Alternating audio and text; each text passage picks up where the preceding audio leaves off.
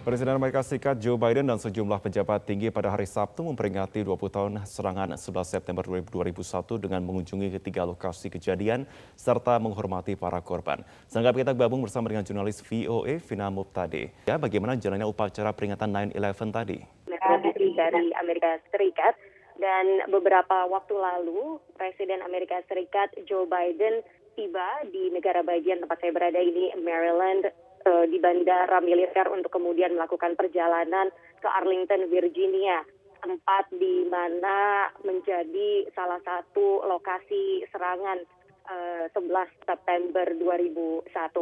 Uh, namun perjalanan Biden kunjungan upacara hari ini berawal di New York City, lokasi Ground Zero Twin Towers World Trade Center yang juga menjadi lokasi serangan pada 2001 lalu. Di tempat itu Biden didampingi juga oleh mantan Presiden Barack Obama dan Bill Clinton. Mereka menghasilkan cipta dan tepat pada pukul 8 lewat 46 menit mereka mendengarkan nama-nama korban yang dibacakan.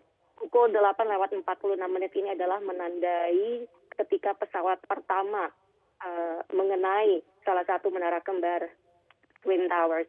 Dari New York City, Biden kemudian terbang ke Shanksville, Pennsylvania ini juga menjadi lokasi serangan pada 2001 lalu. Di sana bersama Wapres Biden mengenang keberanian para penumpang United Airlines Flight 93 yang melawan para pembajak sehingga pesawat tersebut jatuh di lapangan di Pennsylvania, bukan di ibu kota. Dan di sekitar Washington DC, tepatnya di Pentagon, di Arlington, Virginia, eh, Biden juga hadir mengenang para korban dan uh, pemirsa hampir 3.000 orang tewas di ketiga lokasi tersebut. Dan Biden sendiri tidak ber, berpidato di ketiga lokasi tersebut, namun sudah mengeluarkan rekaman video semalam sebelumnya, yang intinya selain juga mengenang para korban, juga menyerukan persatuan. Karena ia mengenang, katanya hari-hari pertama setelah serangan tersebut, Amerika, bangsa Amerika ini bersatu dengan sangat luar biasa. Orang-orang pada bergandengan tangan, kemudian menyerukan persatuan, dan Biden mengharapkan persatuan seperti inilah yang semoga bisa ditumbuhkan lagi di Amerika Serikat yang sedang terpecah belah ini. Memang 20 tahun pasca serangan 9/11 ya, uh, sayangnya masih kita masih belum bisa mengatakan bahwa Muslim di Amerika sudah bebas dari bias ataupun prasangka di Amerika Serikat. Ini juga terlihat dari sebuah studi yang dilakukan pada 2017 yang dilakukan oleh Pew Research Center yang separuh dari responden yaitu warga muslim Amerika mengatakan mereka pernah mengalami sedikitnya satu insiden diskriminasi uh, dalam setahun dan kemudian uh, ada juga uh, survei yang dilakukan oleh Associated Press yang melakukan survei ini dan diumumkan menjelang peringatan 11 September tahun ini yang mendapati bahwa 53 persen warga Amerika Serikat itu memiliki pandang yang kurang baik terhadap Islam dibandingkan dengan 42 persen yang memiliki pandangan yang lebih baik terhadap Islam. Dan ini kontras dengan opini warga Amerika Serikat terhadap Christianity dan juga Judaism gitu yang sebagian besar responden uh, menyatakan pandangannya lebih baik, lebih favorable seperti itu. Dan memang yang namanya mistrust ataupun prasangka kecurigaan terhadap muslim ini memang sebenarnya tidak dimulai sejak 9/11. Sudah panjang sekali sejarahnya. Tapi memang serangan 9/11 itu uh, apa ya menjadi titik yang sangat menentukan membuat prasangka itu lebih semakin menjadi-jadi. Beberapa waktu lalu saya berbincang dengan Profesor Salahuddin Kafrawi. Beliau adalah dosen studi agama di salah satu universitas di New York. Dan beliau juga mengatakan bahwa tidak cukup 20 tahun untuk menghapuskan segala prasangka ini. Perlu apa ya perubahan struktural yang sangat luar biasa. Dan ini sebenarnya dilakukan upaya-upaya ini dilakukan oleh banyak organisasi akar rumput ya. Seperti uh, misalnya saya juga berbincang dengan seorang diaspora Indonesia bernama Niken Astari. Dia adalah seorang penggagas organisasi lintas agama One Table di Erie, negara bagian Pennsylvania yang melakukan kegiatan lintas agama, berusaha memberikan pemahaman dan lain-lain. Interpersonal ini efektif, tapi kan uh, Muslim di sini jumlahnya hanya satu persen, dan dari satu persen itu uh, apa namanya berapa berapa banyak sih yang melakukan upaya interpersonal seperti ini kan? Karena itu upaya-upaya lain dilakukan, seperti misalnya Profesor Kafrawi uh, beliau adalah seorang dosen melakukan semacam uh, pendekatan lewat jalur akademis mengajar seperti itu dan juga dengan banyak dimulainya Muslim yang masuk dalam politik praktis di Amerika Serikat, baik dalam level nasional maupun juga level lokal. Seperti kita tahu ada beberapa wajah Muslim ya di dalam DPR Amerika Serikat. Seperti itu, Marvin. Pemprov DKI menutup sejumlah ruas jalan di DKI Jakarta untuk mengurangi mobilitas masyarakat pada akhir pekan penerapan PPKM level 3. Tim Satgas Gabungan pun diturunkan untuk membubarkan kerumunan warga yang berada di kawasan Crowd Free Night. Ruas jalan yang ditutup antara lain di Jalan Jenderal Sudirman Tamrin SCPD, Kemang Raya, dan Asia Afrika. Penutupan dilakukan mulai pukul 22 hingga 24 waktu Indonesia Barat dan pukul 2 hingga 4 waktu Indonesia Barat. Petugas juga melakukan patroli untuk menindak pelanggaran seperti membubarkan kerumunan dan menilang kendaraan yang tidak memenuhi persyaratan. Penerapan Crowd Free Night ini akan berlangsung hingga akhir penerapan PPKM level 3 pada tanggal 13 September 2021. Hari kedua penerapan Crowd Free Night di DKI Jakarta terus dilakukan. Puluhan kendaraan ditilang karena tidak memenuhi standar. Untuk informasi selengkapnya akan disampaikan langsung oleh rekan Ardi Lase dan juri kamera Syadam Arrahman yang melaporkan dari Bundaran Senayan. Pada penerapan PPKM level 3, Polda Metro Jaya beserta tim gabungan melakukan crowd free night di mana beberapa ruas di DKI Jakarta ditutup hal ini untuk mengantisipasi adanya mobilitas masyarakat yang tinggi pada akhir pekan. Dan seperti kita saksikan di belakang saya saat ini atau di layar kaca Anda kita melihat bahwa uh, sedang diberlakukannya crowd free night atau beberapa ruas jalan ditutup. Seperti kita lihat adanya barrier yang digelar di jalan untuk menahan atau tidak mengizinkan orang untuk lewat di beberapa ruas jalan. Berdasarkan informasi yang kami dapat, terdapat empat ruas jalan di DKI Jakarta yang ditutup, antara lain Jalan Jenderal Sudirman Tamrin, SCBD, Kemang Raya, Asia Afrika. Dan berdasarkan informasi yang kami dapat bahwa nantinya crowd free night ini akan berlangsung yaitu pada Sabtu malam Sabtu maupun malam Minggu di mana warga dilarang atau dihimbau untuk terus mengurangi mobilitas. Dan ini akan berlangsung pada tanggal atau hingga tanggal 13 September 2021 tentunya ini hingga tanggal penerapan PPKM level 3. Selain itu, Polda Metro Jaya juga beserta tim gabungan akan merazia kendaraan-kendaraan yang tidak memenuhi standar yaitu kendaraan yang menghasilkan atau mengeluarkan suara bising atau polusi udara dan akan dikenakan sanksi yaitu pasal 284 dan 285 terkait dengan undang-undang lalu lintas di mana kendaraan-kendaraan yang tidak memenuhi standar ini akan dikenakan sanksi tilang.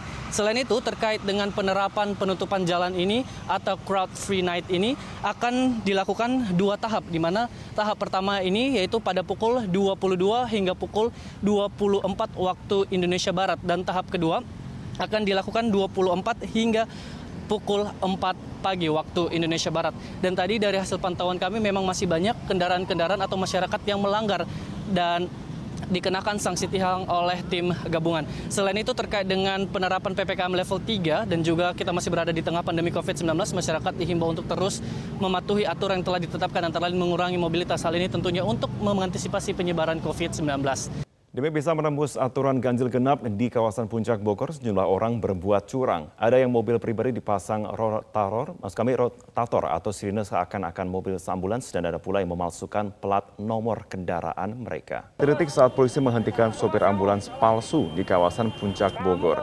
Ada-ada saja ulah sejumlah orang hanya demi berlibur ke puncak rela berbuat curang demi tidak terjaring aturan ganjil genap. Mobil pribadi ini disulap menjadi ambulans palsu.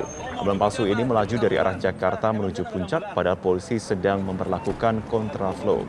Ambulans ini sangat yakin melaju dan menerobos barisan petugas. Merasa curiga dengan mobil ambulans ini, petugas selalu menghentikan dan memeriksa bagian dalam mobil. Dan ternyata mobil ambulans ini hanyalah mobil pribadi yang disulap menjadi ambulans dengan stiker dan lampu rotator atau sirine. Petugas Satlantas Polres Bogor langsung memberikan sanksi tilang dan mencabut semua atribut ambulans tersebut yang menempel di badan mobil ini. Pengendara juga diminta untuk kembali pulang.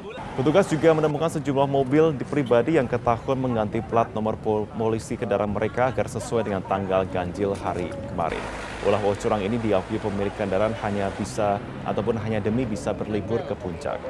Ada lagi pengendara yang mengganti dan menempelkan huruf depan plat nomornya yang merupakan kode wilayah. Hal ini juga demi bisa berlibur ke wilayah puncak. Namun untungnya polisi sigap dan cermat mengetahui ulah para pemilik kendaraan ini. Kita ke informasi lain pemirsa di mana upaya pencarian terhadap 25 orang ABK KM Henry yang terbakar di wilayah perairan Maluku terus dilakukan oleh tim SAR gabungan. Pada pencarian hari Sabtu, petugas mengerahkan dua kapal namun tidak menemukan tanda-tanda korban kapal terbakar. Tim SAR gabungan dengan kapal patroli milik Polairut Polda Maluku diberangkatkan dari Pelabuhan Dobo, Kabupaten Kepulauan Aru, menuju lokasi kebakaran di antara perairan Kepulauan Tanibar dan perairan Maluku Tenggara. Selain mengerahkan sebuah kapal patroli, juga dikerahkan KRI Layaran untuk melakukan pencarian ABK kapal penangkap cumi KM Henry. Tim SAR tidak menemukan tanda-tanda para korban dan kapal yang terbakar. Cuaca buruk, gelombang tinggi dan angin kencang pun menyulitkan upaya pencarian 25 ABK KM Henry ini. KM Henry dilaporkan terbakar di perairan Pulau Tanimbar, Kabupaten Maluku Tenggara 3 September lalu. Kapal yang berangkat dari Pelabuhan Muara Angke, Jakarta hendak menuju Merauke, Papua. Kapal diterjang gelombang setinggi 3 meter sehingga mengalami guncangan hebat dan terjadi kebakaran. Dalam peristiwa ini, dua orang ABK meninggal terjebak di dalam kapal, lima orang ABK berhasil selamat dan 25 orang ABK lainnya dinyatakan hilang. Polda Papua Barat telah menerbitkan daftar pencarian orang 17 terduga pelaku yang terlibat dalam aksi brutal penyerangan pos Ramil Kisor di Aifat Selatan Kabupaten Maibrat pada 2 September lalu. Daftar DPO ini merupakan hasil dari pemeriksaan dua pelaku yang saat ini sudah saat ini dua pelaku terduga penyerangan pos Ramil Kisor berinisial MS dan MY telah diamankan pihak kepolisian dan masih menjalani pemeriksaan di Polres Sorong Selatan. Berdasarkan keterangan para tersangka, polisi telah mengontongi identitas tersangka lainnya yang berjumlah 17 orang. Menurut Kabit Humas Polda Papua Barat, Kombes Pol Adam Erwindi, saat ini para DPO dalam pengejaran aparat gabungan yang tengah melakukan penyisiran di wilayah Maibrat. Ada meminta agar masyarakat melaporkan keberadaan para DPO tersebut dan tidak melakukan perlindungan. Dari hasil penyidikan diperolehlah total semua 19 nama pelaku kejadian pada saat 2 September tersebut. Dari 19 nama tersebut, dua tadi yang sudah saya sampaikan sudah ditangkap dalam proses dan sudah ditetapkan tersangka.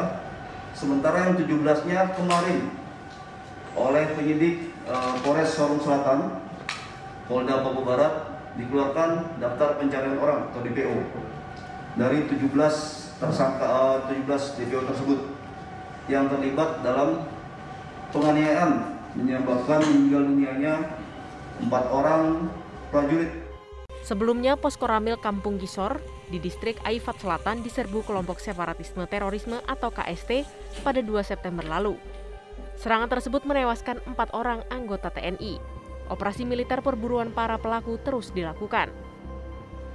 Pasca penyerangan, ratusan warga memilih untuk mengungsi ke rumah kerabat mereka yang ada di distrik Aitio.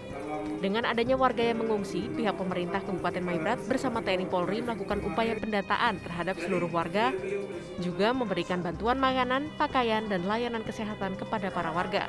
Kenapa di sini melakukan mendapat pelayanan duluan? Kita drop itu, mulai dari kemarin kita drop pakaian bekas, eh, makanan, terus hari ini kita Bapak suruh untuk pelayanan kesehatan karena mereka datanya sudah lengkap.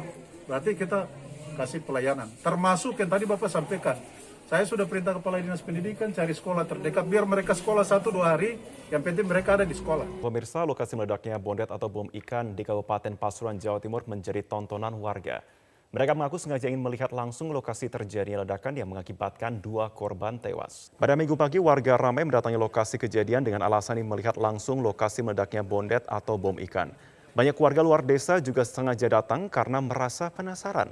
Mereka juga menyatakan sangat prihatin atas kejadian meledaknya bondet yang menewaskan dua orang dan menghancurkan sejumlah rumah di Dusun Macan Putih, Kecamatan Gondang Wetan, Pasuruan. Sementara itu hingga saat ini lokasi ledakan masih dipasang garis polisi.